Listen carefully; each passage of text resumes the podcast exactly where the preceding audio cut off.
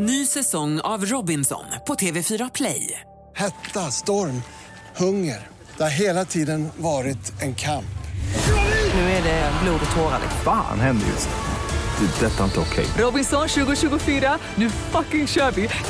Streama söndag på TV4 Play.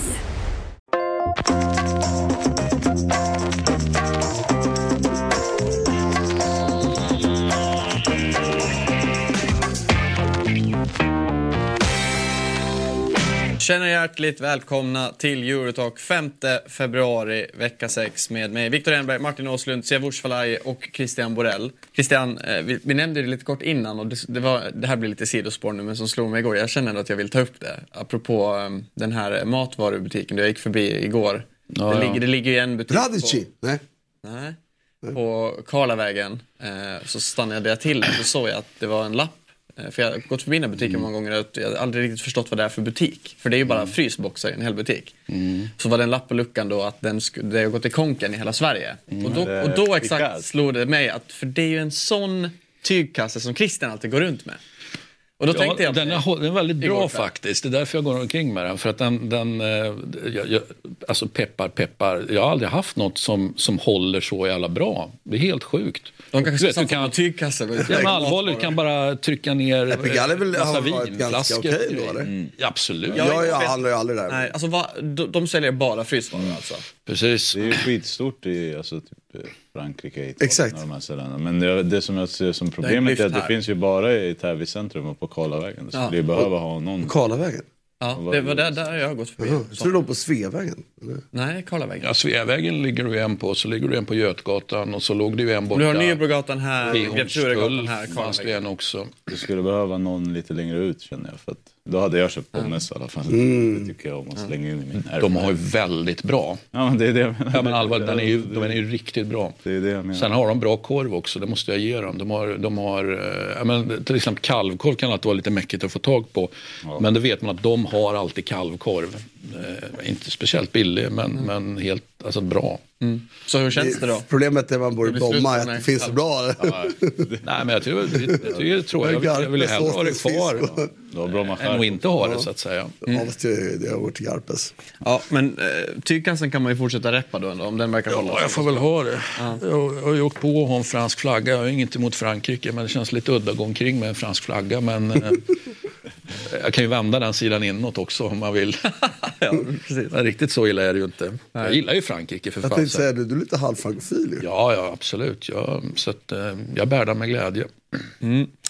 Ja, så tråkigt då, såklart. Och en annan sak som är lite tråkigt eh, är ju eh, att eh, Kurt Hamrin igår gick bort efter en tids sjukdom, 89 år gammal. Och Christian, du har dammat ur, damma ur, kan man säga så? Ja, den var dammig ovanpå kan jag säga. Den, eh, ja, det är hans- drömmars mål. Hans egen skrivna bok va? Från 69. Ja, sen om han har skrivit den själv, det kan man diskutera. Men, Han eh, står som författare. Han står som författare, en dribblande författare. Sen tycker jag det är lite spännande att om man tittar här att han, han kallar ju, jag menar, det är ju så att hans egen bok, eh, han väljer ändå att kalla sig Kurre här va? och inte Kurt då. Vilket ju är en grej i boken sen också. Liksom, att han, Var det så att italienarna hade svårt att säga hans namn? Eller att det var för kort? Eller var det för kort med Efter- Kurt med, som förnamn? exakt, det var för kort och sen klarar de ju inte av att säga H i början på Det var Amrin.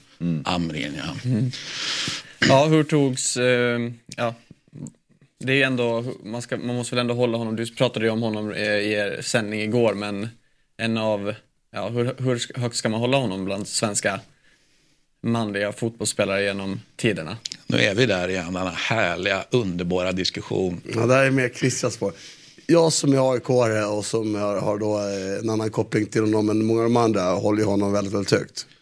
Eh, sen har han ju också varit, och det tycker jag är intressant, att det är ju, titt pratade runt bland fotbollsfolk i Sverige, fotbollsjournalister i Sverige, så är det otroligt många som, eh, som har träffat honom. För att han har varit alltid väldigt Det känns som att, tillgänglig. det känns som att ah, hela journalistkåren igår när man la upp och hyllade honom, typ som är, alla la upp någon bild när de har varit hemma hos honom i Florens. Ja, nej, men han har varit väldigt eh, tillgänglig och, och gästvänlig och, och varm som person. Eh, alltså, jag menar, vi spelar man i AIK så var han ju varje sommar nere och hälsade på på träningsanläggningen och kommer ju alltid på någon match. Och så har jag varit i Florens och träffat honom. Sen har jag ju till de här som tycker att det är lite sådär, sätta mig själv i fokus och lägga en bild på mig själv och honom när, när han dör. Det är, liksom, det är lite under min värdighet faktiskt. Men Jag tycker, och den tillgängligheten tycker jag att verkligen man ska belöna, eller lyfta, belöna. Så om Spalletti går bort, då kommer inte den bilden upp? Absolut inte, inte en chans. Och då tycker jag Kurre Armin är mycket större än Spalletti. Vill jag bara påstå. Alltså Kurre Armin var en, som för mig, när jag växte upp var en, en spelare som man pratade om som en, som en eh, hjälte för liksom, min far och hans generation. Liksom. Så att, nej, det är en otroligt stor spelare. Sen är jag sämre och på det som just Christian älskar att göra. Jag är inte så jätteintresserad. Var han bättre än eh, Nordahl? Jag håller honom före Nordahl, men det är klart att han inte, kanske inte var. Och i Italien, nej, men då är ju Lidholm störst i min bild. Liksom, de pratar om svenskar. Och så. Men en väldigt, väldigt stor fotbollsspelare och väldigt, väldigt gästvänlig person. Jag är förvånad att Sia inte har träffat honom, men, men du är kanske för ung. För den äldre generationen som var där, de har alla. För Simor jobbade där nerifrån då, så alla som var Simor har ju- ätit ätit middag med honom i princip. Jag tillhör ju den, tyvärr, den generationen som får skit för mycket saker. Men eh, till skillnad från de äldre generationerna så är vi aldrig på plats. Det ska Nej. de ha med som de äldre. Att de har fan alltid varit på alla matcher, alla VM, alla OS, alla EM. Serie A, alltså idag är det otänkbart att Men du har ändå rest väldigt mycket. För, Ja. Och många som har träffat Men- Kurre har ju liksom inte varit där Nej, för för, att jobba med honom. Utan de har varit nere och så har, han varit inte- tillgänglig. Liksom. Jag har inte varit i Florens. Och det ångrar man ju. Men eh, jag hade gärna träffat honom och snackat lite och åkt till Florens. Så. Men eh, alltså det som jag... Jag, är liksom, alltså, jag har ju bara sett det här YouTube-klippet på det där målet. Sen har man ju liksom ett eh, ganska stark relation till de här spelarna som italofil. Att alltså, italienarna kan ju mer om dem än alla svenskar nästan. Jag tänkte säga, han är väl större i Italien? Ja, men alltså, Mer eller mindre. Det var ju två länder i sorg. Sen så är det klart att vi har många svenskar som också känner till honom bra och liksom pratar gott om honom. Men i Italien är de ju väldigt bra på att minnas. Och man får ju höra titt som tätt. Nu har jag mest varit i Milano och där pratas det ju mycket om Nacka. Liksom. Eh, I alla fall för mig och Grenoli. Men eh, Kurre var enorm och har ett enormt arv. Och det märks också på hur klubbarna reagerar eh, när han går bort. Och, och där måste jag också säga att, att eh, under en period då när eh, jag följde för en tid ganska mycket till så här kompisar där, dels så spelade spelare jag det där så och, och det är inte bara att det stod som min favoritspelare, men, men eh, det var Rui Costa. Men, men eh, det var ju Battistuta slog det målet, alltså var jagade det där några år, eller var närmade sig. Så slog, liksom Han hade väl målrekord i Fiorentina i 30 år tror jag, Exakt, innan. och det, det var ju väldigt, det var väldigt, väldigt liksom på tapeten.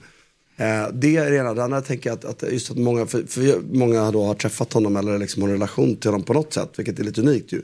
Men jag kan ju någonstans också fundera lite på om efter liksom, reaktionerna går i de sociala medier som givet den algoritm som visserligen säkert styr saker min väg som jag följer.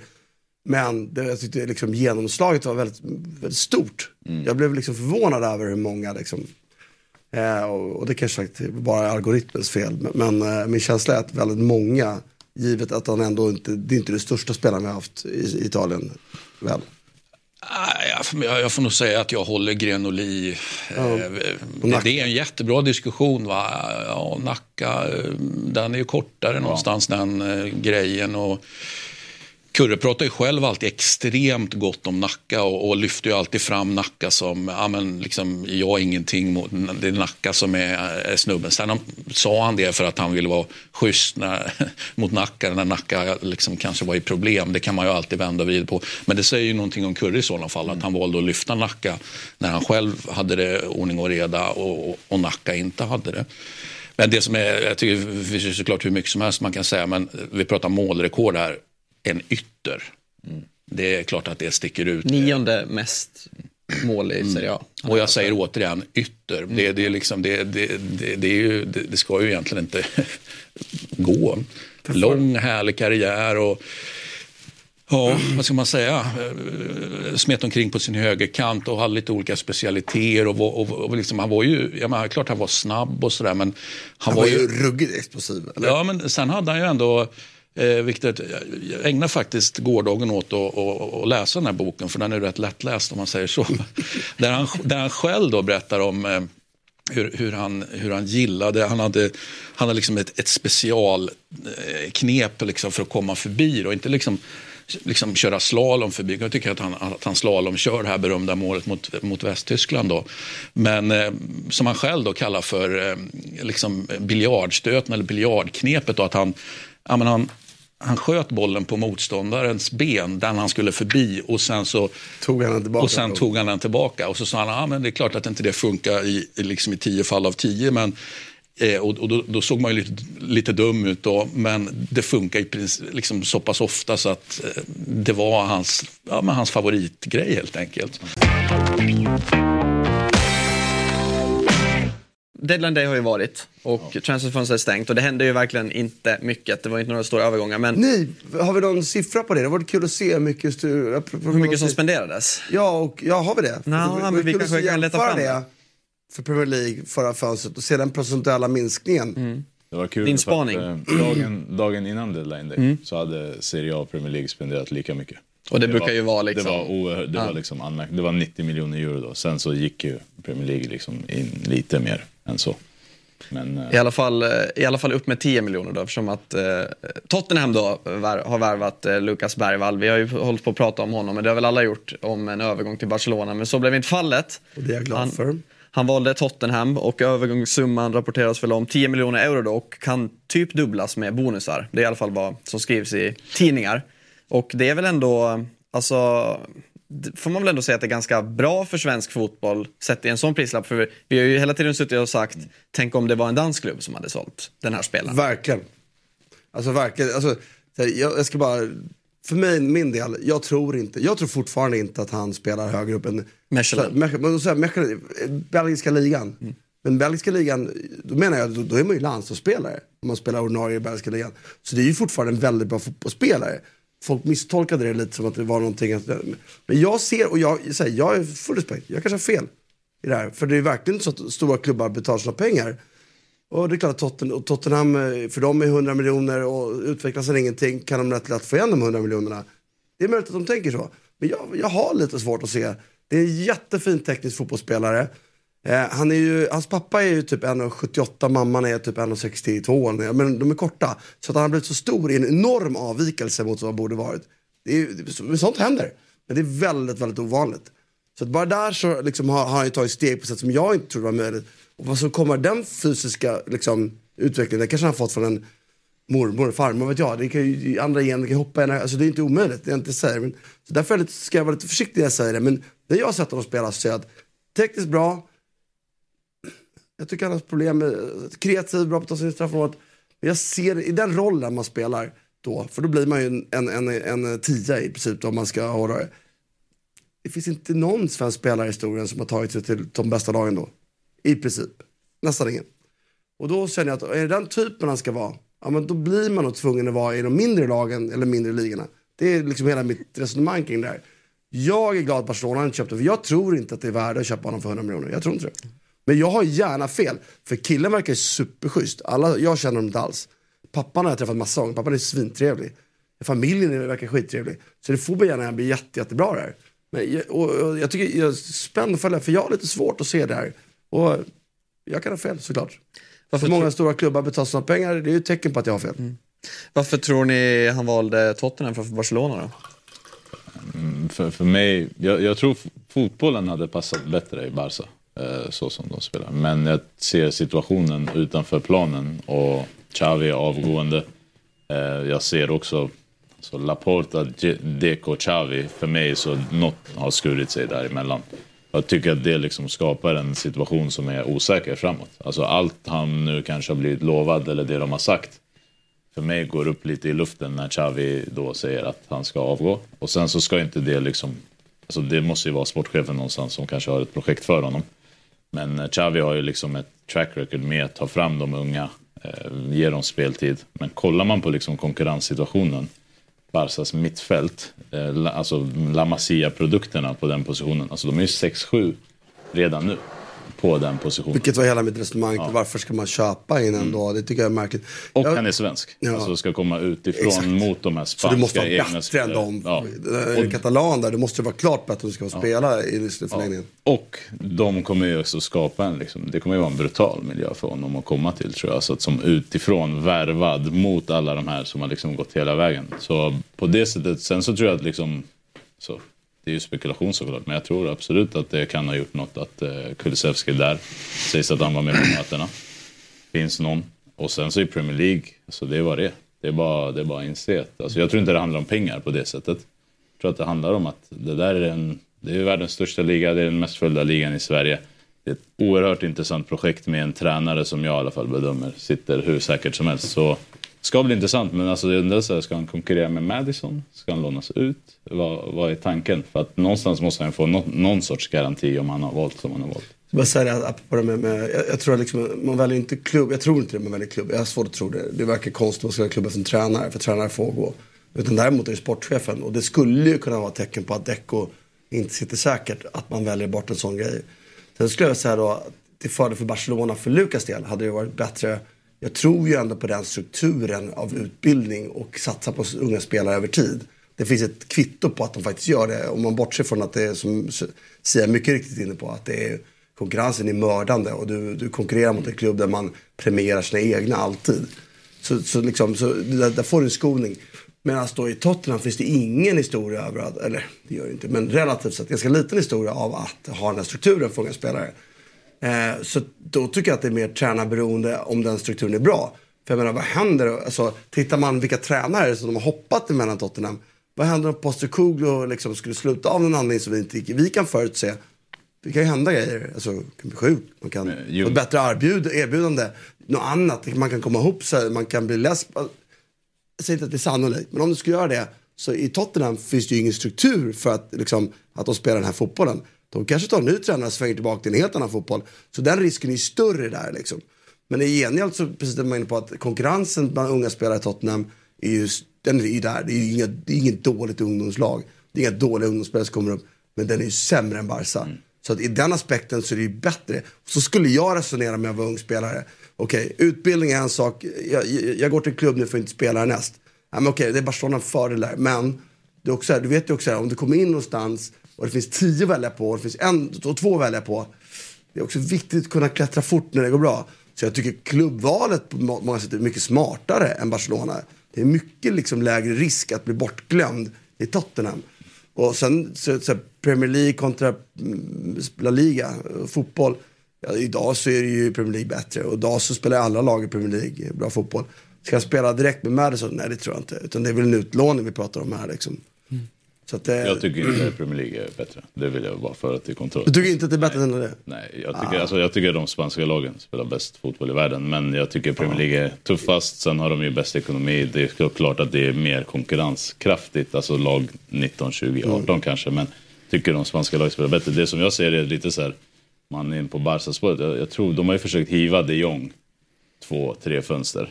Och jag tror att de kommer försöka det i år igen. Och, de har ju pengarna. Ja, alltså det är det. De har en ekonomisk situation som är osäker. Och det är också så här med liksom allt de har sålt av i framtiden, med att det kanske inte riktigt har fart, med alltså Superliga som de vill åt. Där, alltså, det känns som att det liksom strukturellt finns mycket mer osäkerhet i det som kommer hända med Barca i sommar.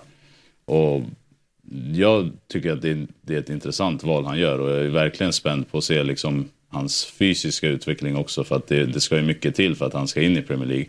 Men också kul att så här, vi får ändå två månader, tre månader där han ska spela i Sverige. Där man verkligen kommer, alltså alla som möter honom, man förväntar sig liksom att se så här. Är det du som kostar 100 mil? Ja. Okej, visa det då. Det ska bli väldigt intressant att se. För jag minns ju det var för Zlatan. Och jag mötte ju Zlatan den här eran, eh, perioden. Och hans första match han spelade allsvenskan efter, efter han skrev på Ajax. Gjorde han 2-0 och vann med 2-0 mot oss.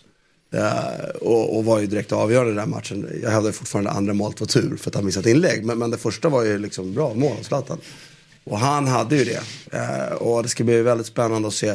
Och även om han inte skulle vara bra så är inte det ett kvitto på att han inte har. För att Nej. Tottenham har inte köpt honom som den färdiga produkten. De har ju köpt honom på, på, på liksom en potential. Och det är här som det jag tycker det blir så otroligt. Det här skulle vi faktiskt ägna ett program åt någon gång. För att jag tycker att det är intressant. Jag personligen tittar på om man tittar på unga, alltså, vad de utför och så tittar man, måste, sen, sen har jag liksom 100% klar att man måste väga in biologisk ålder. Och i Lukas fall så är den mycket äldre. Han ska, I min värld ska han jämföras med 03 Alltså, för han har varit färdigvuxen så pass länge liksom. Rooney ännu mer. Och Rooney verkar som att, jag ska säga att jag bara får rätt där. Det blir inte så mycket mer. Jag tror inte det. Vilket är en superfotbollsspelare. Rooney kommer spela landslaget förmodligen. Men folk pratar om att han skulle spela ordinarie de största ligorna. Och då, jag vet inte om du minns det. Jag bara, nej det tror jag inte. Han har varit färdigvuxen länge. Och det man måste komma ihåg allt det här. Och samtidigt ska man också i allt det här, som marknaden är, så tjänar alltså att köpa biologiskt, alltså tidigt utvecklade spelare och sen har några år och så blir det ingenting att sälja dem, har ju marknaden liksom betalat för. Så du får igen pengarna, så risken blir otroligt lite. Marknaden är ju dopad till, egentligen skapar, har vi skapat, är systemet just så nu att, vi- att vi liksom, köp så ungt du kan, om de, om de är bra eller inte spelar mindre roll. Därför att någon av dem är, som är bra, är skitbra, de som inte är bra kan vi sälja vidare sen. I tid bara. För att så funkar marknaden. Och det, varför funkar marknaden så för? Jo, ett för att vi hela tiden har ökade priser av transfers. Och det kommer vi ha över tid. Men jag, därför har jag också pratat förra. Jag ser ju en, en, ett, en hack i kurvan. Är det bestående? Det får vi se. Men det hacket, alltså, du vet, det alltså, jag tror inte folk fattar om det skulle bli ett hack till i, i sommar. Hur det kommer påverka modellerna ute i Europa. Det är många klubbar som kommer ha panik. Panik på riktigt. Sen ska, ska man göra klart för sig att ett för ett fönster gör ingenting. Om det är nästa fönster är tillbaka, fine. Men får du två, får du tre, då kommer du svettas. Och, jag, och, jag, och den andra grejen är att jag tycker att fotbollsvärlden är för dåliga på att identifiera riktig talang. Det, det tycker jag är helt sjukt att man inte ser att Endrik är färdigvuxen och Lamine Jamal inte är det. Om man inte, alltså, och det tycker jag är så märkligt. Så jag har pratat, liksom, och jag vet att en del agentfirmor jobbar med det här. Men eftersom marknaden sen inte betalar dig för att, att du har, om du identifierar en sent utvecklad spelare som är bra när han blir köpt, det betalar inte marknaden för. Så det finns inget incitament för att göra det. Och då tänkte jag, vilka ska göra det här då? Men det borde vara klubbar. Det borde vara klubbar som börjar titta så här, faktiskt, vad är det värde? Köpa Lukas för 100 miljoner, Lukas kanske blir bra, men 100 miljoner? Du kanske kan hitta en annan 06 och köpa, för, köpa 10 för 5 miljoner. Som all, där en blir lika bra som Lukas, fast han bara är mycket senare utvecklad. Varför gör ingen så för? Alltså det är sånt att man börjar fundera på varför det inte händer. Och jag är spänd på att se. Jag varit så säker på att det kommer ske, men det här har jag ju väntat 5-10 år på det här. Det kommer ju inte. Och, jag bara liksom, och det kanske är det som händer nu, för vad jag ska komma till då, för att knyta ihop den här ganska långrandiga säcken, är ju om priserna börjar falla, eller står still, då tror jag att det är tillfället. Då börjar folk, det är liksom knuffen som, som marknaden behöver, att börja titta på sånt. Jag menar, titta på Inter, Marotta, vad är hela hans grej? Han betalar inte en krona över vad, vad värdet är här och nu.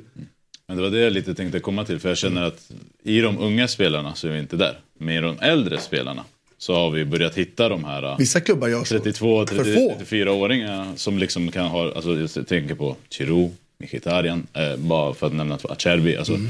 Du har ett par liksom spelare ute i Europa, alltså på andra sidan ålderskurvan, som de har sagt så här, fan, för, alltså, för, förut tänkte man så här, äh, den där åldern, det är över liksom. Jo men när, när börjar de titta på 25-26-åringar? För jag skulle vilja hävda att 22, kanske för tidigt då, men 23-24-åringar, där kan du fynda idag. Ja, ja. För det är ingen som köper dem potential längre. Men det är, Där finns det bra spelare. Där finns de bra Det är de spelarna du vinner med. Och det vill jag hävda att Marotta har varit liksom, liksom alltid. Man kan väl beskylla Marotta för att han inte har förstått den andra delen av fotbollsvärlden. Det här med att köpa och växa liksom. Men Marotta har varit svinbra på att skapa bra trupper för relativt sett lite pengar. Hans lag är alltid, och jag säger inte att Marotta är ensam om det här, men de lag han har varit. Hans lag har alltid varit väldigt mycket bättre än vad de har investerat pengar i, i löner och i, i, i transfersummorna. Mycket, mycket bättre. Och mot dem då, jo men det finns ju inget säljbart i andra ändan så du kan aldrig växa. Men om fotbollen går i sidled, då är det vem, vem, växa får du inte betalt för. Då är det är nu. också, det är också intressant att se, alltså, jag har sett att, eller uppfattat i alla fall, det finns liksom en diskussion för att när man pratar om så här, när är spelarens prime? Och alltså, jag känner att för bara fem, sex eller tio år sedan då, då var det liksom 27, 28, där ska de vara som bäst. Så det känns att där börjar det liksom komma ner lite i åldern. Så att, jag vet inte, de kanske spelar fler matcher, det kanske är liksom dubbelt så många matcher, fler resor, gud vet VM mitt i säsongen och allt vad det är. Men det gör ju också att liksom hela balansen håller på att rubbas och kanske helt utan anledning. För att vi ser att spelare håller längre och att du kanske inte behöver ha bara det åldersspannet utan att det finns liksom... Och det är också viktigt i det här med biologisk ålder. Det är klart att det finns olika längd, man är vuxen liksom som fotbollsspelare, som elitidrottare. Men det, det fönstret, om du tittar liksom på en normalfördelningskurva, så är det fönstret ganska lika för 95% av varje elitfotbollsspelare skulle jag säga. Du kan hitta den liksom, kurvan och då blir du färdigvuxen när du är 12, innebär det att du slut tidigare. är du världsmästare när du är 21, då har du nio år till. I, Och de spelarna som Lucia är inne på, de är ju extremt värdefulla idag. För de som håller länge. Du också, för det, det ska man ju säga, alltså, hur biologiskt tidig Lukas eller Rooney, de här spelarna är, så är de ju fortfarande barn mentalt. Eller barn är fel ord, men ni förstår vad jag menar. De, man lär sig saker genom åren. Men de här spelarna som är sent utvecklade, de får ju fler år att tillgodogöra sig den spelförståelse man skapar genom alla år.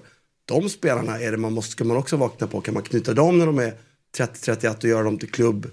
Alltså, men sagt, det är, jag, jag tycker det är sjukt spännande att se vad det här tar vägen. För jag tror ändå att vi ser en, en, en, en utplaning i transferpriserna lite nu. Att vi inte kommer, när de märker att tillväxten i alla intäkter är inte så stor, det kommer öka, så då, då är man lite försiktigare. Sen kommer ju inflationen automatiskt göra, för inflationen innebär att pris, priserna i nominella termer, nu blir det väldigt tekniskt här kanske, men om du räknar 100 kronor och du har en inflation på 5 så 105 kronor nästa år, det är ju samma värde.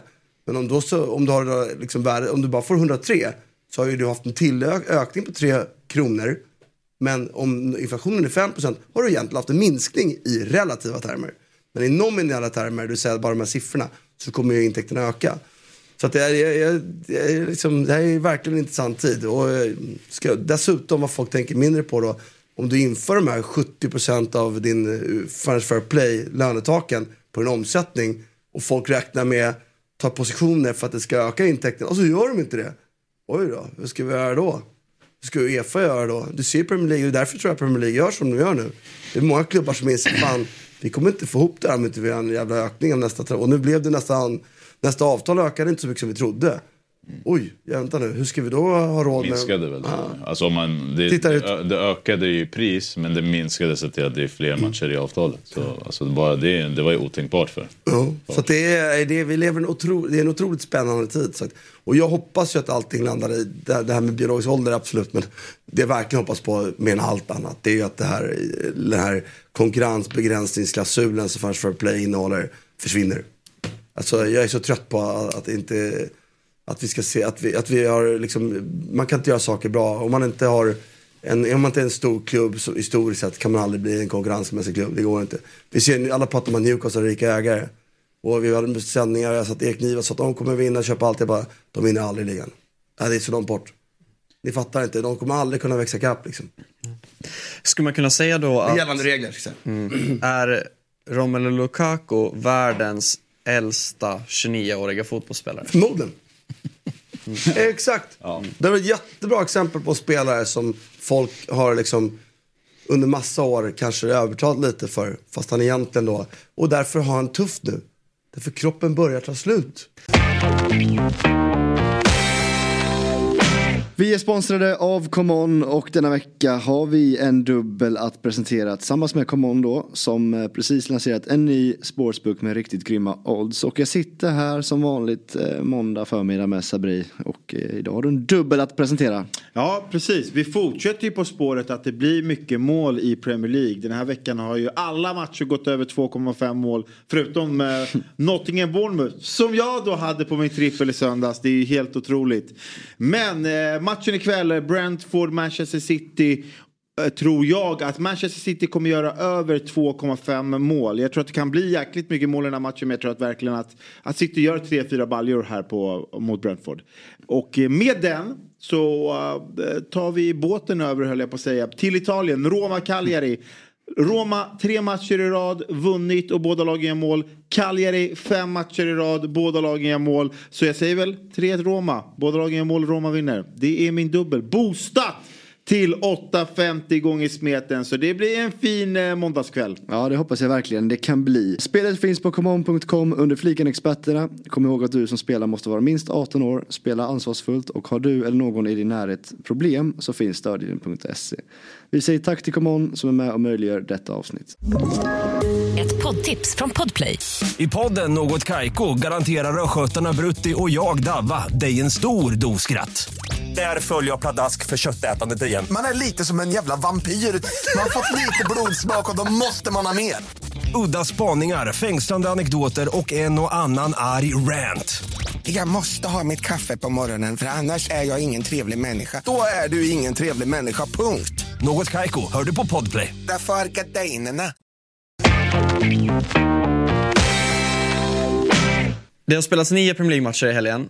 Det har gjorts 41 mål. Det är 4,55 mål per match. Det känns väldigt oseriöst, Christian. Ja, ja, ja, ja, det vet jag inte. Oseriöst, men det, det, det, är ju- det är ju en ansenlig målskörd som, som ju såklart kan vara ännu större. Det är ju siffror man hatar när folk tar upp i Serie A. Ja, När jo. folk jävla många mål. Vem säger att den här ligan är tråkig? Och då blir man så här. Att det ingenting, det ska vara tråkigt. Det ska vara få mål. Våra försvar är för dåliga. Exakt. Det, Det, kan vi, det kan vi, kommer vi till sen då till derbyt igår. Men eh, vi måste väl såklart börja med den stora matchen som spelades igår då mellan Arsenal och Liverpool som tillskreds en Arsenal-seger med 3-1 och det var Ödegaard som fotade, tog bilder på fotografen med fotografens kamera och Jamie Carragher hatade på det på sociala medier och bytte till en bild på Ödegaard och kameran som profilbild på Twitter och det var det ena och det andra. Såg du han som då la in att Ödegaard fotade en bitter Carragher på läktaren? Nej, det såg jag inte. Ja. Det lät roligt. Ja, jag, om jag hittar den så ska jag ta upp det. Jag Ja. det var riktigt... Du får lägga ut det sen på X. Men... Eh, Känns som att det finns viktigare saker att fokusera på om man eh, tittar på matchen. Jag tänker det. huruvida om någon... vad, har- vad har du för tankar då, Martin? Att Arsenal, eh, att Liverpool har svårt för Arsenal. Nu har de mötts tre gånger och jag tycker förra gången de vann i Liverpool så var vi rätt överens om att Arsenal rätt mycket, gör mycket rätt i den här matchen. Men inte fick betalt och så, så den här matchen kan man väl säga att de får betalt istället då. Eh, även om jag tycker om man ska vara ärlig, om man bortser från Addisons två grodor så, så borde ändå Arsenal ha haft nog för att vinna. Liksom. Så det, det, man har sett att de egentligen inte tog betalt heller. Nej, men det som är intressant, och det är lite synd, alltså Liverpool kommer ju med utan, det saknas ju flera bra spelare. Och jag såg fram emot att se en, en amoklöpande eh, Darwin Nunez mot Saliba och Gabriel. För, för jag tycker det glöms bort lite. För Gabriel, Saliba och Rice är ju världens bästa individuella defensiva mittfältstrio. Eh, individuella menar jag att de spelar, så ska man prata om att försvarsspel också handlar om att ta positioner, läsa av varandra. Då finns det andra som är bättre. Eh, möjligtvis inte en Rice då, men, men totalt sett i alla fall. Men de här tre, eftersom Arsenal spelar som de gör, Arsenal spelar väldigt mycket man-man-inslag. Så om de tre skulle inte klara av att vinna sina dueller defensivt skulle Arsenal få stryk. Stort många matcher. Men nu gör de ju nästan aldrig, för det är ju tre monster. Och jag hade sett fram emot att se Nunez löpa, för allt man vet med Nunez är att han, att han slutar aldrig löpa och han är så snabbare än de där och fysiskt kan han nästan, möt, nästan mäta sig med dem. Så att inte få se det så blev det liksom matchen lite stukare det, eh, tycker jag. Så tycker jag att Klopp gör fel. Alltså de har fått en gratisbiljett in i matchen. Han tar av eh, Gakpo, fel. Gör Gravenbergs, fel. Tar in eh, lilla Harvey Elliot i en sån här match. När man spelar man, alltså, nej. Och jag tycker Diaz överskattar han. Diaz gjorde för sin bak mål, men för mig är det lite liksom, för dum spelare. Det läget. Jag skulle ha spelat med, tagit av Diaz och tagit av bara Diaz och fått in, eh, för det hade jag velat se. Gakpo, Jota och det här mittfältstrion bakom med Nunez. Då tror jag att det blir ett match andra halvlek. Men, men Arsenal är bättre. Och jag tycker Arsenal var sk- sjukt bra. Jag tycker Jorginho är så jävla bra så att de pratade inte om honom så mycket efteråt. Men jag tyckte han var bäst på plan. Så mycket situationer han löser med sitt passningsspel. Och, nej, och, i ett sånt lag med så mycket bra spelare så är, sticker han ändå ut igår. Det tycker jag är också anmärkningsvärt. Och totalt sett så var det en bra fotbollsmatch. Utan att det var så mycket målchans tycker jag det var en väldigt bra fotbollsmatch. Hur kände du då Christian efter ändå man tar ledningen och det finns bud på mer och så kommer det här snöpliga precis innan paus. Tänker man då att nej, nej, nej, nej, nej. Ja, ja, det är väl klart man, man tänker, men jag, jag, jag hade en bra känsla måste jag säga inför den här matchen. Jag, och varför hade jag det? Ingen jävla aning. Jag tycker båda mötena tidigare Arsenal var bra mot Liverpool. Alltså. Nej, men det, det, det, är en, det är en underbar match att spela och väldigt, eh, känns väldigt mycket i, i Casa Borrell. Så är det bara för att det, det, det är något speciellt med Liverpool-mötena och man kan ju fundera på var, varför är det det för mig. Alltså mycket mer, det har att göra med när man var i formbara år, när man, när man var liten helt enkelt. Liverpool var så pass bra. Och så har det funnits vissa väldigt viktiga matcher genom historien då, där, där Arsenal liksom har, har nitat Liverpool. Eh, det, det finns ju flertal exempel på det. Va? Så att jag känner ju, även under perioden när Arsenal eh, så att säga, har varit sämre, Liverpool har varit sämre, så är just Liverpool-matchen känner jag väldigt mycket mer, eller i alla fall på ett annorlunda sätt än till exempel när vi går mot United. Eh, liksom Chelsea, ja, det fanns ju inte på kartan då, det fanns ju mer på kartan i modern tid. Men det betyder också att jag känner inte speciellt mycket där. Ehm, förutom att det är ett derby då i och för sig. Och så har man derbyt mot Tottenham, men där har vi varit så otroligt överlägsna eh, under så lång tid. Så den har liksom, jag ska inte säga att den har urvattnats, men, men just Liverpool-mötet eh, får jag nog säga för mig då, eh, är det, det är ett väldigt viktigt, eller det är det viktigaste mötet helt enkelt. Så att jag var, jag var väldigt nöjd igår. Jag tycker också Havertz förtjänar beröm. Mm. Jag tycker att eh, liksom folk sågar honom på saker och, och vissa av de grejerna kan jag förstå att det där borde han vara bättre. Men, men fan taktiskt smart spelare det är liksom. Och så, ja, han har faktiskt ett jobb i fysiken då liksom.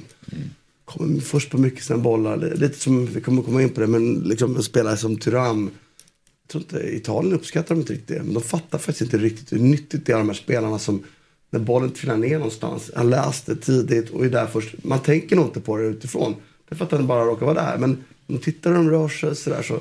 Där tycker jag Havertz har varit. Jag tycker Havertz också liksom. Var det Community Shield matchen? Sådär, fan, tack, smart spelare ändå. Och jag förstår att han använder honom. Eh, det är klart att jag tycker att Jesus är bättre på nästan allt annars. Och kanske klart av mycket av det han gjorde.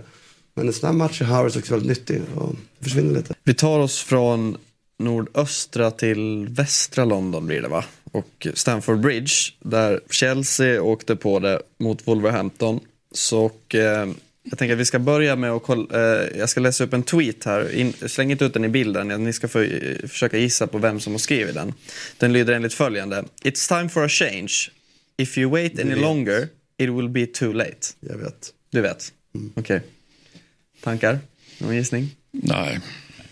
Det är Thiago Silvas fru. Ja, det är det. Isabel Ja, Silva. Ja. som var ute och skrev efter matchen.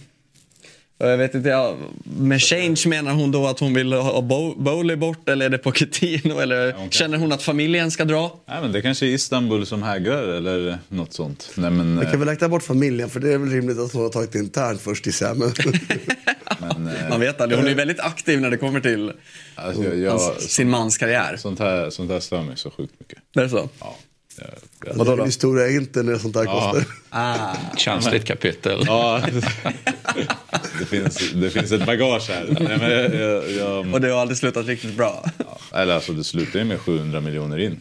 ska man ju ha med sig under pandemitiden. Jävligt bra sportchef som löste det. säkert- Och vi snackar då Icardi då, om det men, eh, men jag kände så här, jag såg, det var Immobile som blev bänkad en match och då var liksom frugan och agenten och brorsan och alla var liksom ute och jag tyckte bara det skapar ju bara problem och jag känner bara att det här, eh, det sabbar ju bara, eh, tyvärr. Och eh, Jag- jag tror att det- det går att tolkas på så många sätt också. Jag tror att det betyder ändå mindre. Alltså, det är ändå liksom så, så luttrade människor här och så är så luttrad värld.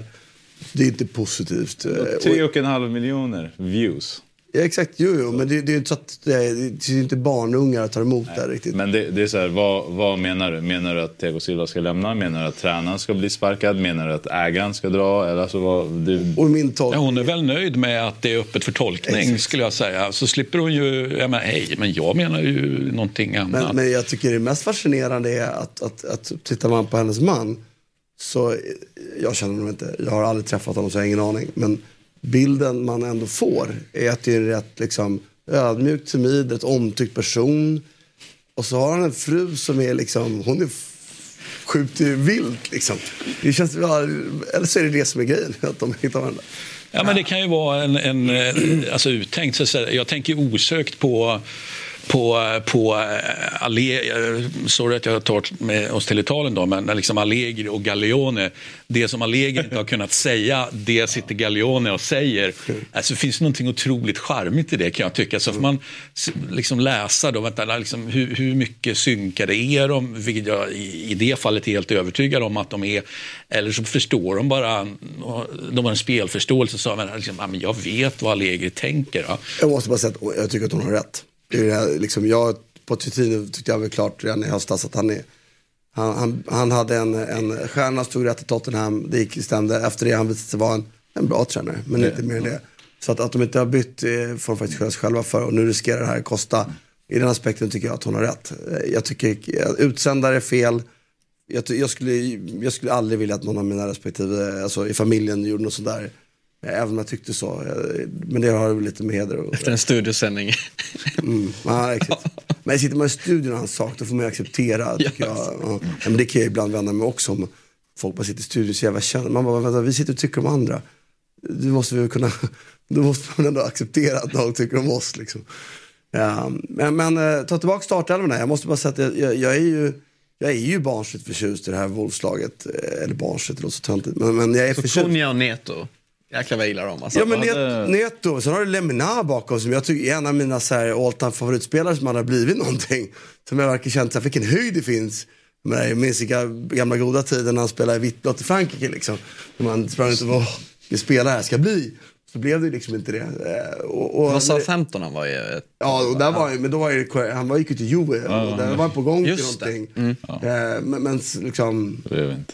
men, men han är, och jag förstår varför nu, han är inte, han är inte ojämnt tekniskt. Men, men Kunja, vad hade han? Liksom två mål första 15 och nu har han väl fem på senaste tre eller något Och börjar han göra mål, ju Är han på lån från Atletico?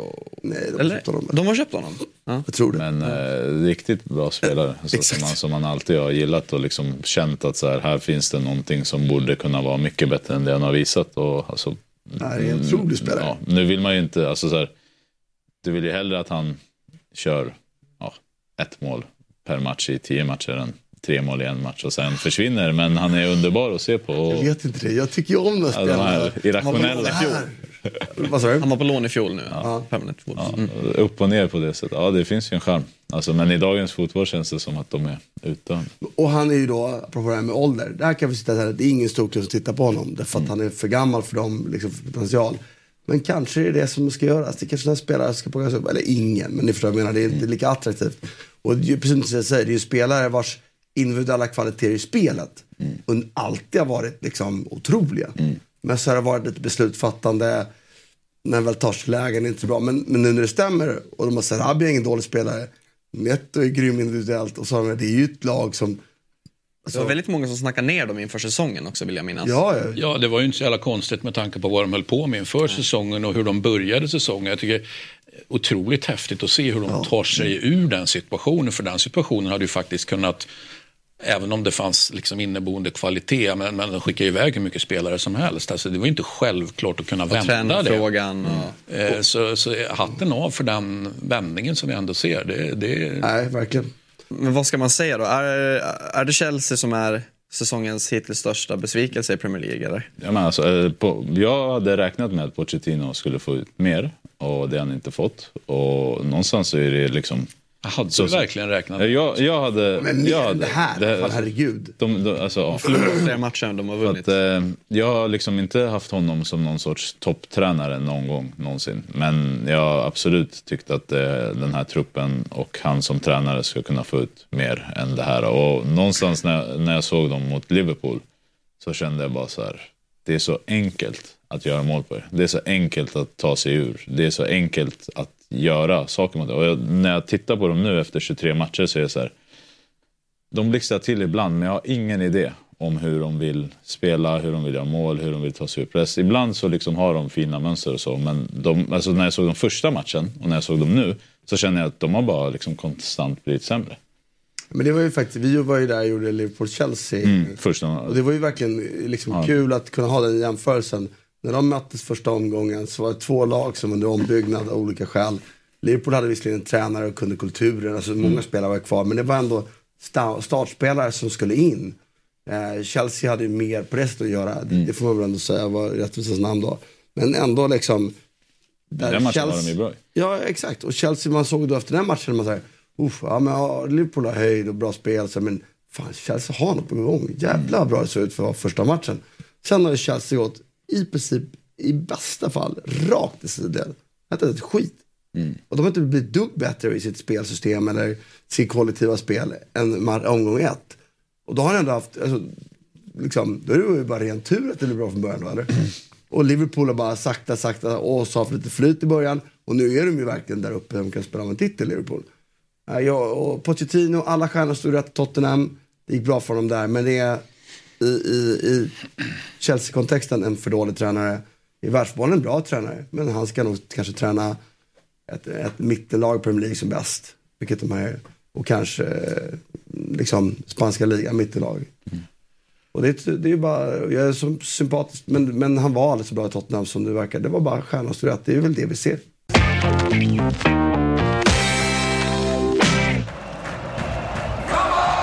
Den är här nu. Commons nya sportsbook med en av marknadens tyngsta betbuilders. Nya spelare får 500 kronor i bonus. Nu kör vi!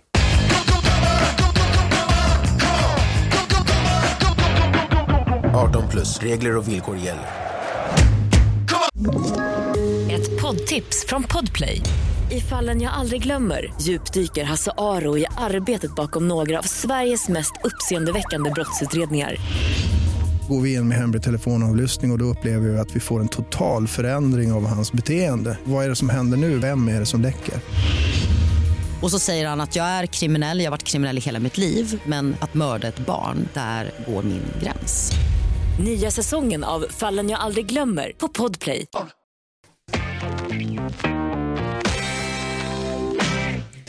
En frå liten fråga till dig, eller egentligen till er alla. Om ni, om ni får välja att gå på fotboll, eh, ni har åkt iväg någonstans, säg att vi åker till Italien eftersom att vi är i Italien nu. Om du, så här, vad föredrar du att gå? Vill du att det ska åka på en kvällsmatch, att det ska vara vara skymning och mörkt och sådär, eller ska det vara tidig avspark på tidig eftermiddag efter lunch, eller vad finns det några, har du några preferenser? Så? Eh, nej, jag känner inte att jag har några preferenser. Det är liksom, det, eller så har jag olika preferenser på olika stadion och man, man, man vill göra olika saker men någon speciell tid på dygnet. Jag vet ju att många tycker det här med kvällsmatcher är väldigt speciellt. Jag, jag, ja, det kan vara trevligt men jag kan ha lika trevligt 12.30 liksom. Så att eh, det är mer andra grejer som är avgörande för mig. Vad säger du då? Du som ändå har varit mycket i Milano och San Siro, det är lite dit jag är på väg. Ja, men alltså, nej, men kvällsmatchen på San Siro är ju helt otrolig. Eh, sen så kan man ju lägga in att så här, något som kanske inte folk tänker på. att så här, Är det en 18.00 då kan det ju faktiskt gå ut och ha en riktigt skön middag efter. Är det 20.45? I Milano kan man ju äta efter midnatt Ja, ja, eller också. Va? Alltså det är inte alltid, inte alltid. Men det, det, så, ja, så är det. Och det. Sen så har jag ju också varit med om liksom 12.30 på San Siro. Då kan du ju äta både innan och efter. det tycker jag är trevligt på det sättet. Men, eh, Oavsett eh, avsparkstid Ja. så har vi ju salsichan före. Så, att, så på ett sätt är man ju redan home free då. Ja. Men, eh, nej, men jag, jag tycker den typen av kvällsmatch på San Siro när det är som det är. Eh, Europamatcher, stormatcher och egentligen nu när Inter och Milan möter varenda lag du vill. Så är det en av Europas bästa fotbollsupplevelser. Kvällsmatcherna är ju ofta toppmatcher i ganska många ligor. Det är ju Premier League som inte har det på samma sätt, eh, 17.30 men, men, men, men i Spanien, Italien och Frankrike så, här, så det är, ju- och som igår med Lyon, Marseille, eh, Madrid derbyt, Inter derby, alltså Italien, italienska derbyt.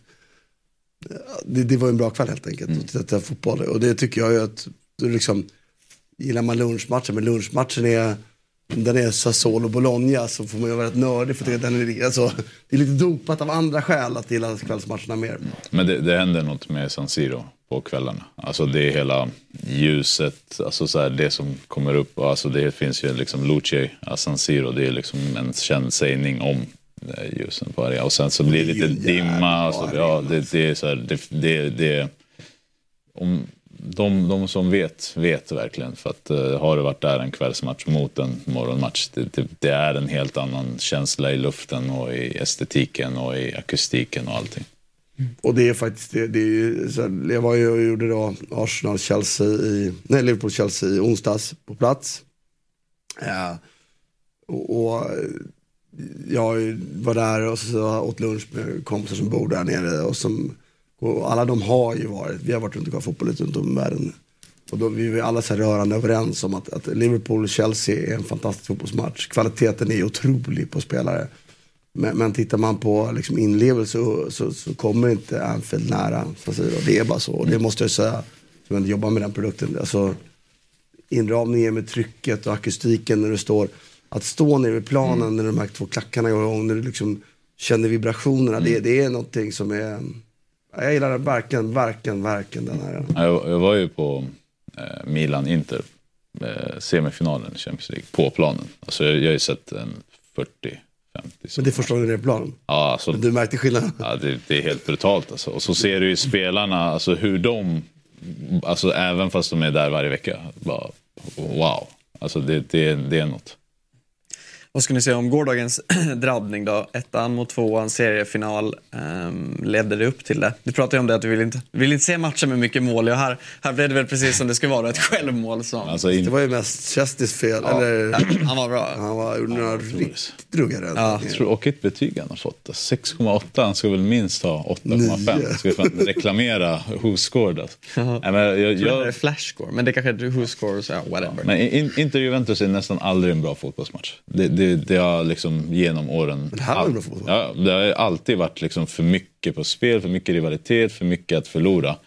Tycker andra halvlek eh, är en dundermatch sett till liksom Även första var bra alltså. det är ju intensitet, Inter, alltså, Inter bjuder ju upp och sen så tycker jag att det händer något med Juve. För jag tycker Juve kan spela bra fotboll. Jag tycker att när de väl kliver och kör, då är de faktiskt ett, ett bra lag. Och det händer ju mer i andra halvlek när de ligger under. Men eh, jag, var, jag var absolut eh, positivt inställd till den här matchen. Jag tycker att det var ett av de bättre Inter-Juventus, eller Juventus-Inter, på, på många år som jag har sett. Vad den här, vi pratade lite innan om Gatti. Um, apropå då att vara lite late bloomer.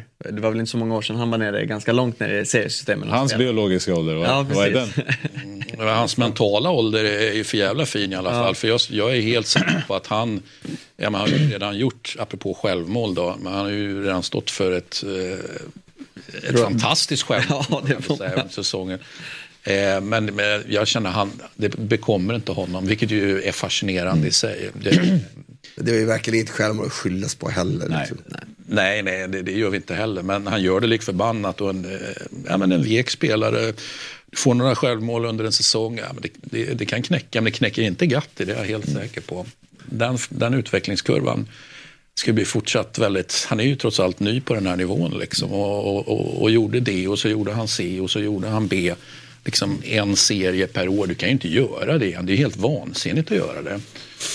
Nej, och han är, det är ju en jävligt fin backlinje faktiskt. Danilo är underskattad och Bremer tycker jag är... Även, Den brytningen han gör ganska tidigt, Bremer, när bollen kommer in, är det, det är väl till Tyramma?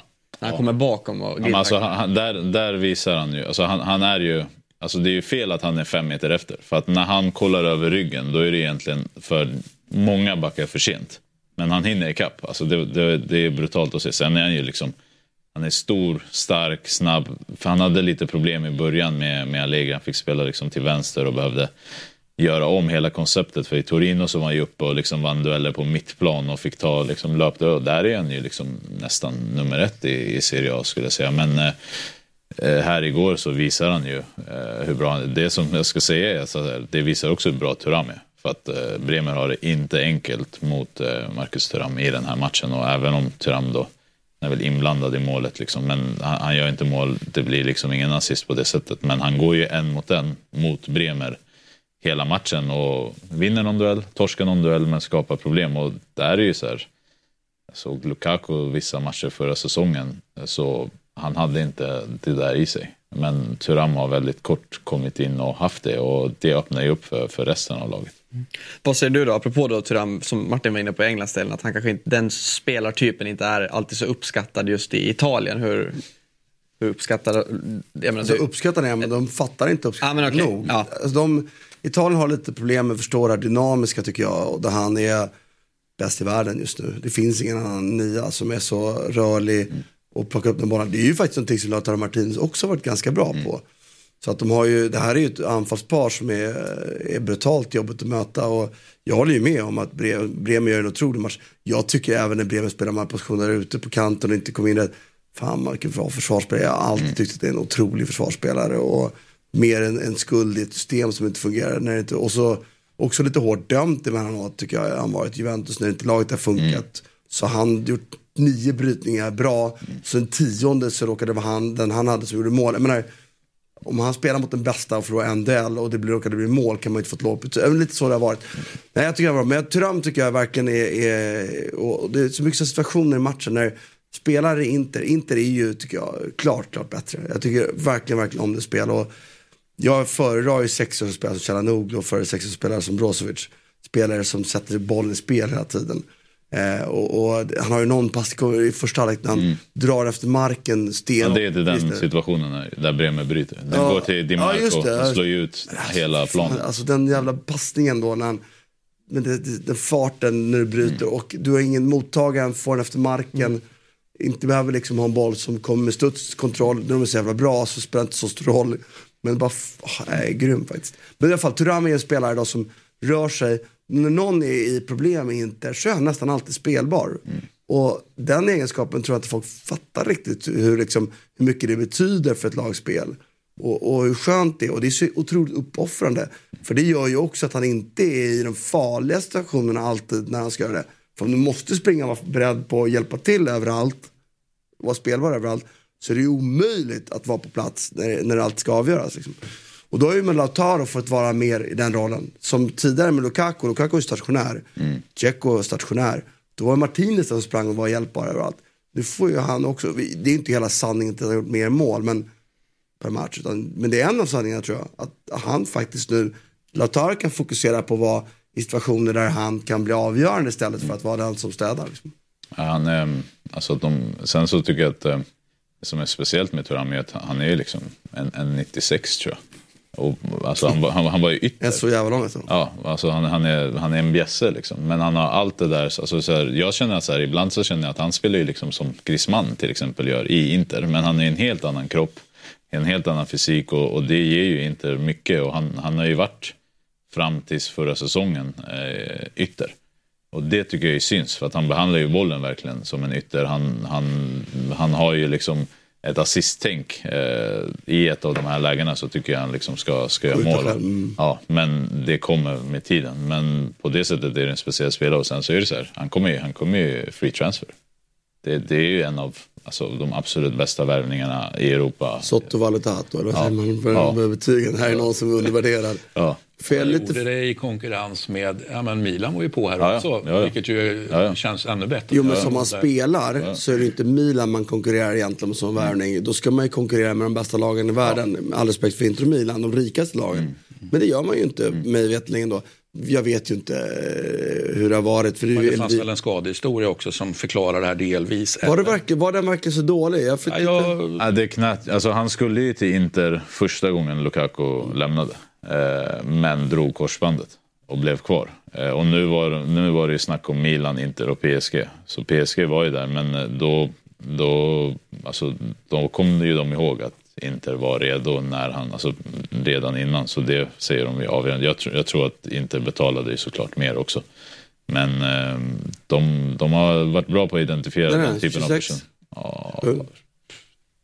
jag är faktiskt inte säker, jag måste kolla det. Men Men jag är lite sugen på att ta det här till just det vi pratade om tidigare. Att han, han passar ju inte mallen för någon. Nej. Det är inte en spelare att köpa en exit på. 26. Ja. Och då blir han liksom undervärderad som marknaden undervärderar. Vilket jag tycker i en perfekt marknadsfotboll borde vara. Så är det märkligt att sådana stora avvikelser fortfarande finns.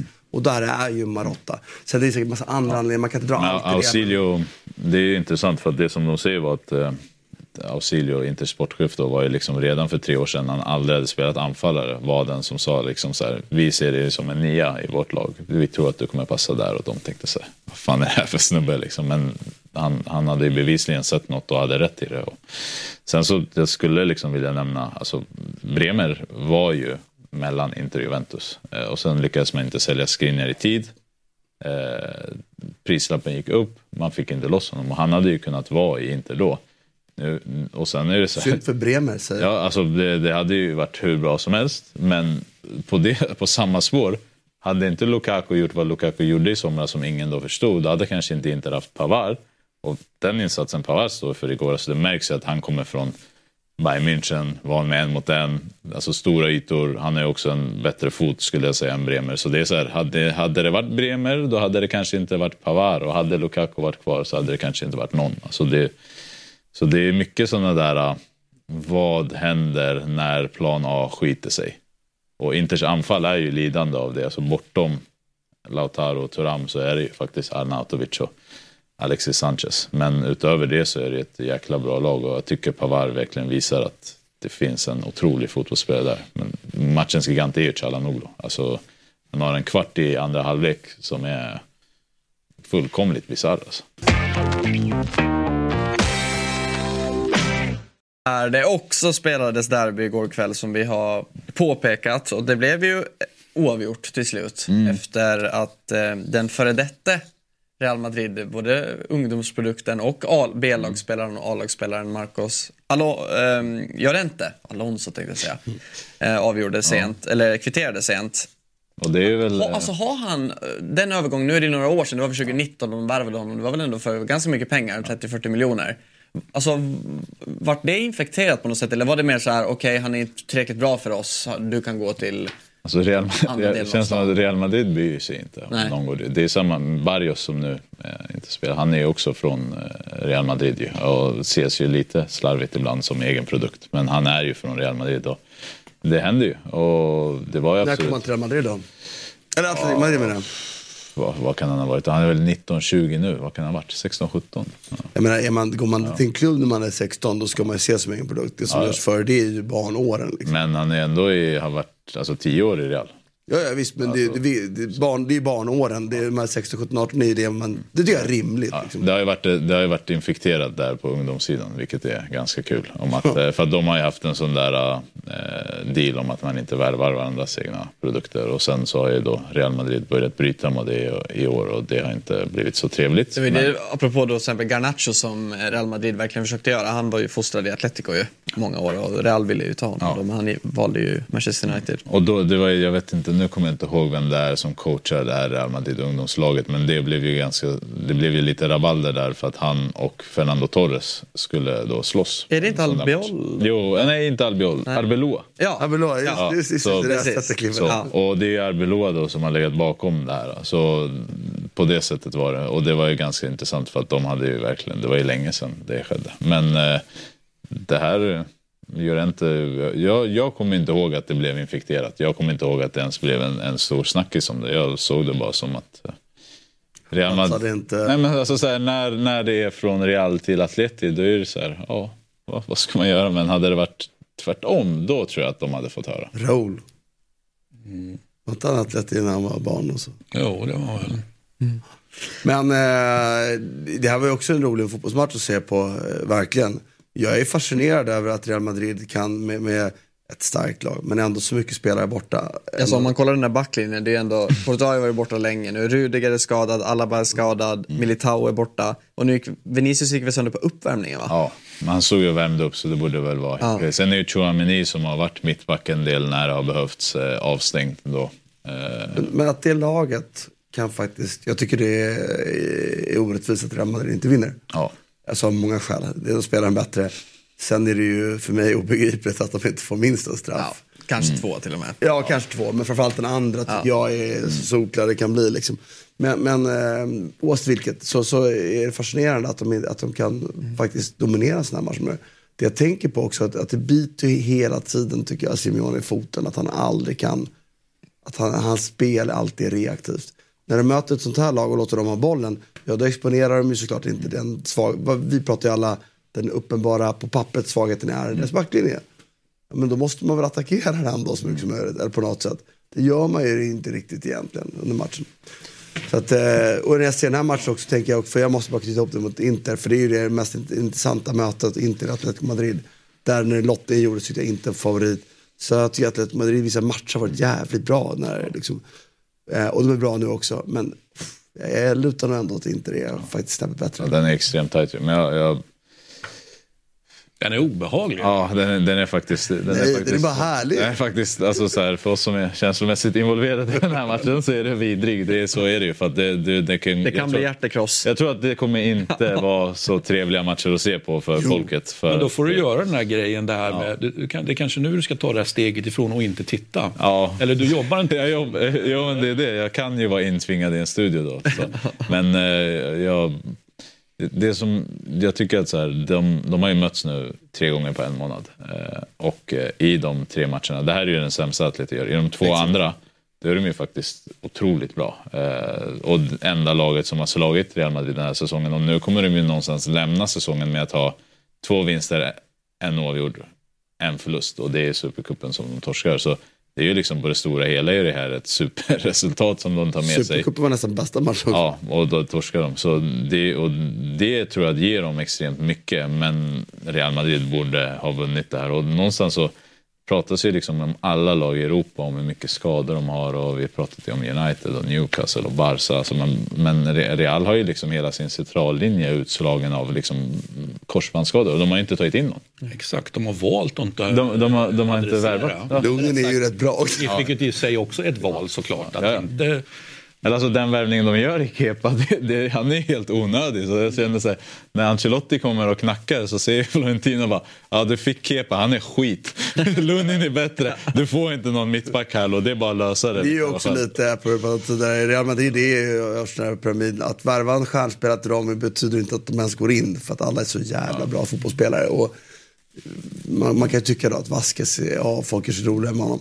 Men att han ens kan vara med och spela i sina lag, det innebär att han förmodligen är bättre än 99,9% av alla världens fotbollsspelare. För att du ens är där. Och det, det ska man ju komma ihåg. Att, men med det sagt, jag håller med Sia. Supercupfinalen var de ju, tyckte jag, riktigt bra. Jag förväntade mig att de skulle Real Madrid mycket, mycket större press. För mig blev Atletico Madrids eh, match, eh, prestation igår en besvikelse. Mm. Jag tyckte det var en icke-prestation. Men jag såg, jag såg också liksom tydligt att så här, ja, Carvajal, Morata, pff, alltså det där kommer att vara jobbigt. Där är, bort stolpen. Ja, där, där är liksom, där, och det, det var de så, alltså, även mot ordinarie Real Madrid i hemmamatchen i ligan eh, när de vinner med 3-1. Då är det ju inläggsspelet som de liksom verkligen exponerar Real för och vinner med 3-1 och, och där kände jag så här, ja men det, det blev väl nästan samma matchbild. Men eh, Real var, alltså jag vet inte om Atleti var dåliga eller om det var Real Madrid som är liksom brutalt bra. Jag, jag håller dem som bäst i Europa i år hittills, Real Madrid. Jag tycker verkligen de har nivåer i sitt spel. De hanterar alla faser. Jag tycker de är otroliga. Alltså.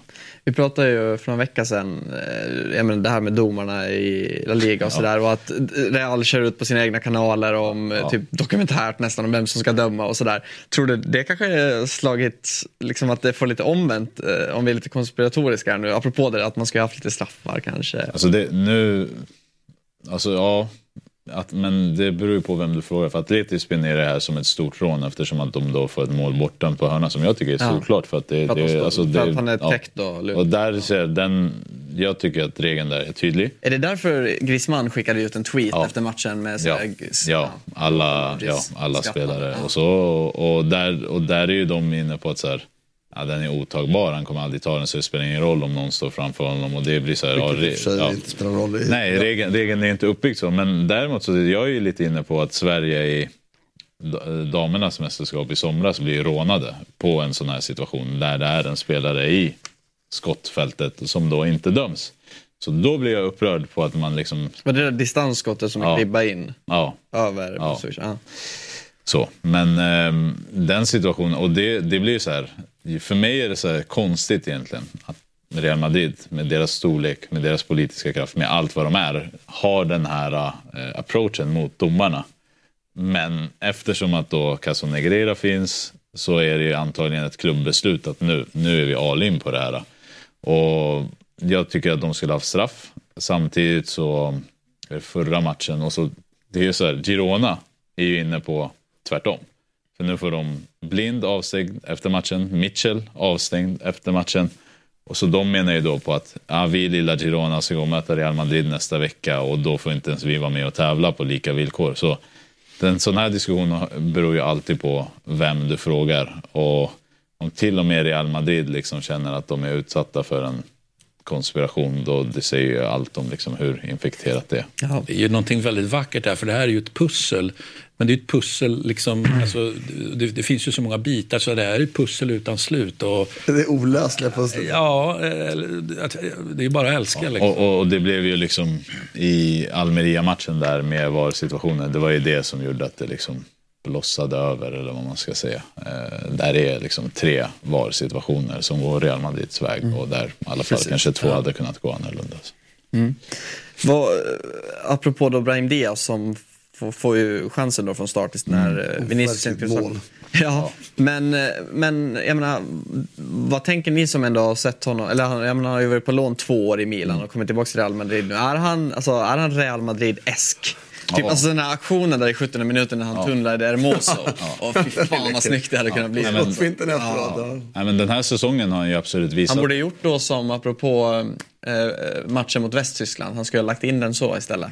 Försökt, istället för att försöka curla. Han kom ju ändå lite samma vinkel där som Kurre. Ja, men, eh, den här säsongen har han absolut visat det. Och det har ju varit när Vinicius Junior har varit borta tidigare eller när Bellingham missade någon match eller när Rodrigo hade det lite jo- jobbigt så tycker jag han liksom konstant varit bra. Och, ehm, förra säsongen, eller egentligen hela tiden i Milan, så har han ju varit liksom för enkel att flytta på. De har kanske kommit lägre i sina positioner. Men jag tycker man ser i alla fall i kvartsfinalerna mot Napoli Eh, Ja, då var han jävligt bra. Då, då var han helt otrolig. Alltså, dribbla bort två, tre spelare, hitta fram sig, öppna ytor. Alltså, så här, då var man ju så här, är, det här verkligen Brahim Diaz? För att när man liksom såg honom mot Inter, då var det ju liksom nästan synd om honom. För att alla de här, Stoni och Acerbi, de, de slår ju bara på honom Ja, på för jag har mittplan. ändå verkligen sett honom som ändå, alltså en ganska medioker. Ja, men alltså, i, inte ser och, och alla där är det väl så här... Men han har ju väldigt, väldigt bra färdigheter i de avgörande lägena. Det kan man ju se. Sen har han, inte, han har ju inte fysik för att matcha.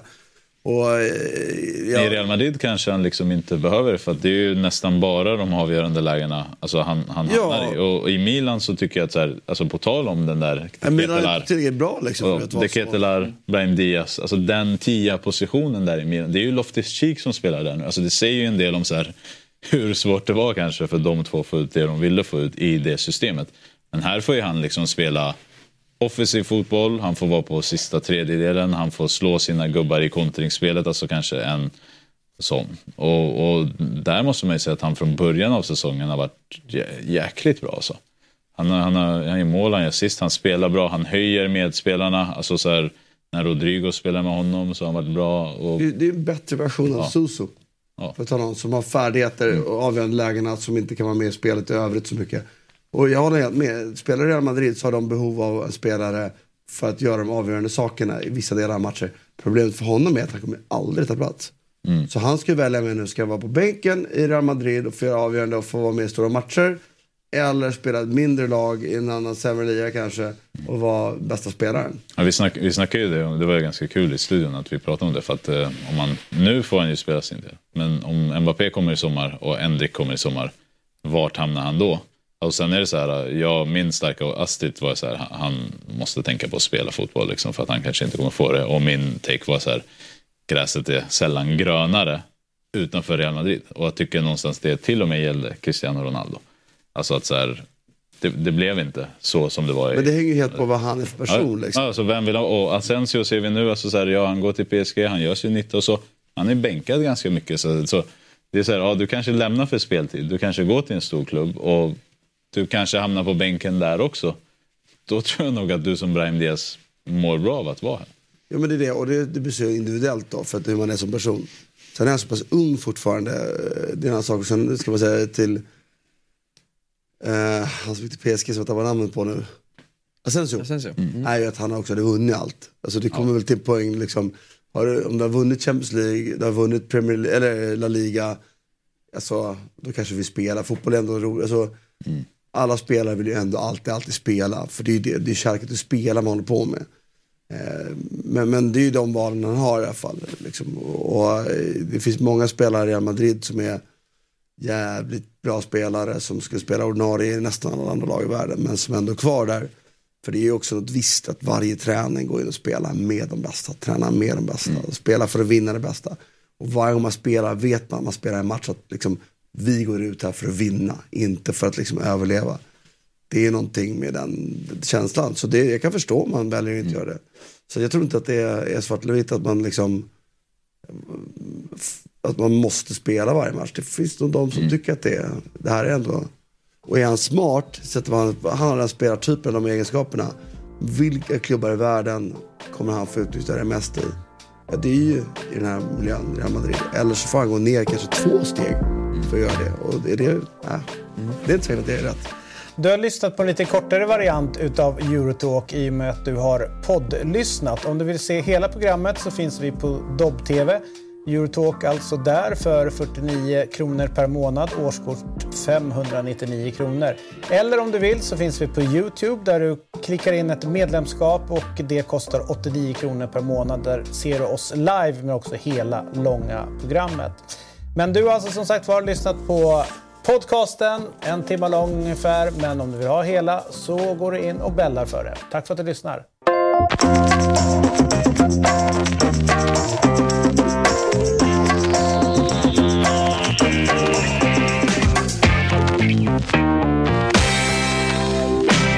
you poddtips från Podplay. I podden Något Kaiko garanterar östgötarna Brutti och jag, Davva, dig en stor dos skratt. Där följer jag pladask för köttätandet igen. Man är lite som en jävla vampyr. Man har fått lite blodsmak och då måste man ha mer.